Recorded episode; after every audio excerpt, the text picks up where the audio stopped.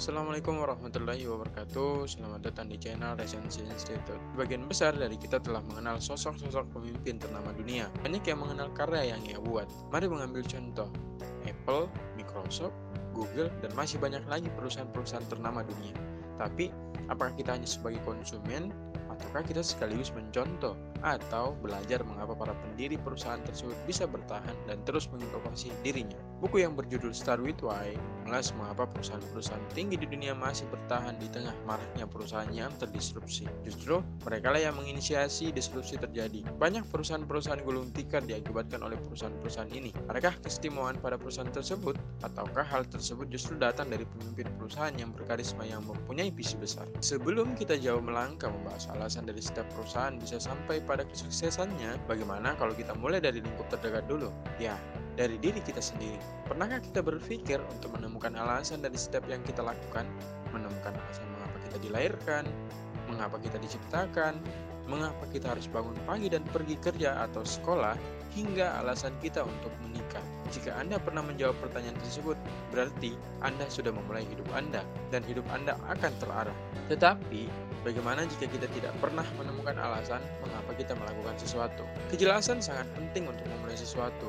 Semuanya akan lebih baik jika dimulai dengan kejelasan. Kita harus tahu mengapa kita melakukan apa yang kita lakukan. Karena orang-orang tidak membeli apa yang kita lakukan, berarti mereka membeli mengapa kita melakukannya. Jika kita sendiri pun tidak mengetahui mengapa kita melakukan apa, lalu bagaimana orang lain akan mengetahuinya? Jika pemimpin perusahaan tidak dapat mengetahui dengan jelas mengapa organisasi ada, maka berimbas pada pembelian tidak tertarik, hingga para pegawai yang pekerjaannya tidak terarah. Inilah salah satu hasil yang didapati ketika para pemimpin tidak dapat menemukan alasan mengapa ia mendirikan sebuah usaha. Setelah kemudian kita telah menentukan mengapa kita melakukan apa yang kita lakukan, pertanyaan berikutnya adalah bagaimana kita akan melakukannya. Bagaimana adalah nilai atau prinsip yang kita bawa yang akan menuntun bagaimana kita mewujudkan isi perjuangan atau kepercayaan kita. Kejelasan dalam memulai mengapa kita melakukan apa yang kita lakukan adalah titik awal perjalanan untuk memulai.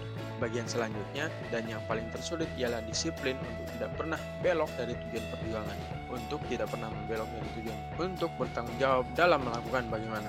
Dan terakhir ialah konsistensi apa yang kita lakukan. Segala sesuatu yang kita ucapkan dan lakukan harus membuktikan apa yang kita percayai. Mengapa hanyalah suatu kepercayaan atau keyakinan? Bagaimana adalah tindakan yang kita lakukan untuk mewujudkan kepercayaan itu dan apa adalah hasil dari tindakan-tindakan atas segala sesuatu yang kita ucapkan dan lakukan produk, jasa, pemasaran, relasi publik, budaya, dan siapa yang kita pekerjakan. Jadi, orang-orang tidak membeli apa yang kita lakukan, tetapi membeli mengapa kita melakukannya. Maka semua hal ini harus konsisten. Dengan adanya konsistensi, orang akan melihat dan mendengar tanpa ragu sedikit pun. Jika kita tidak konsisten di dalam hal-hal yang kita ucapkan dan lakukan, maka tidak ada orang yang mengetahui apa yang kita percayai. Inilah yang oleh para pemimpin-pemimpin bisnis besar yang mereka tanamkan dalam perusahaan mereka, bahwa dengan menemukan mengapa, maka pelanggan tidak akan segan-segan untuk membeli atau mengkonsumsi apa yang kita lakukan. Untuk itulah penting sekali dalam menentukan mengapa kita melakukan sesuatu. Inilah yang disebut oleh Simon Sinek sebagai lingkaran emas, titik yang di mana merupakan titik awal dari dimulainya segala sesuatunya.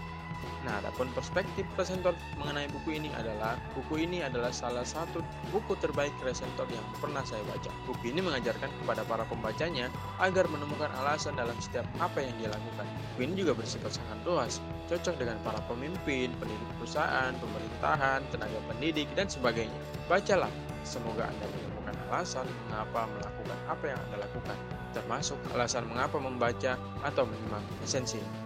Terima kasih. Ada pertanyaan?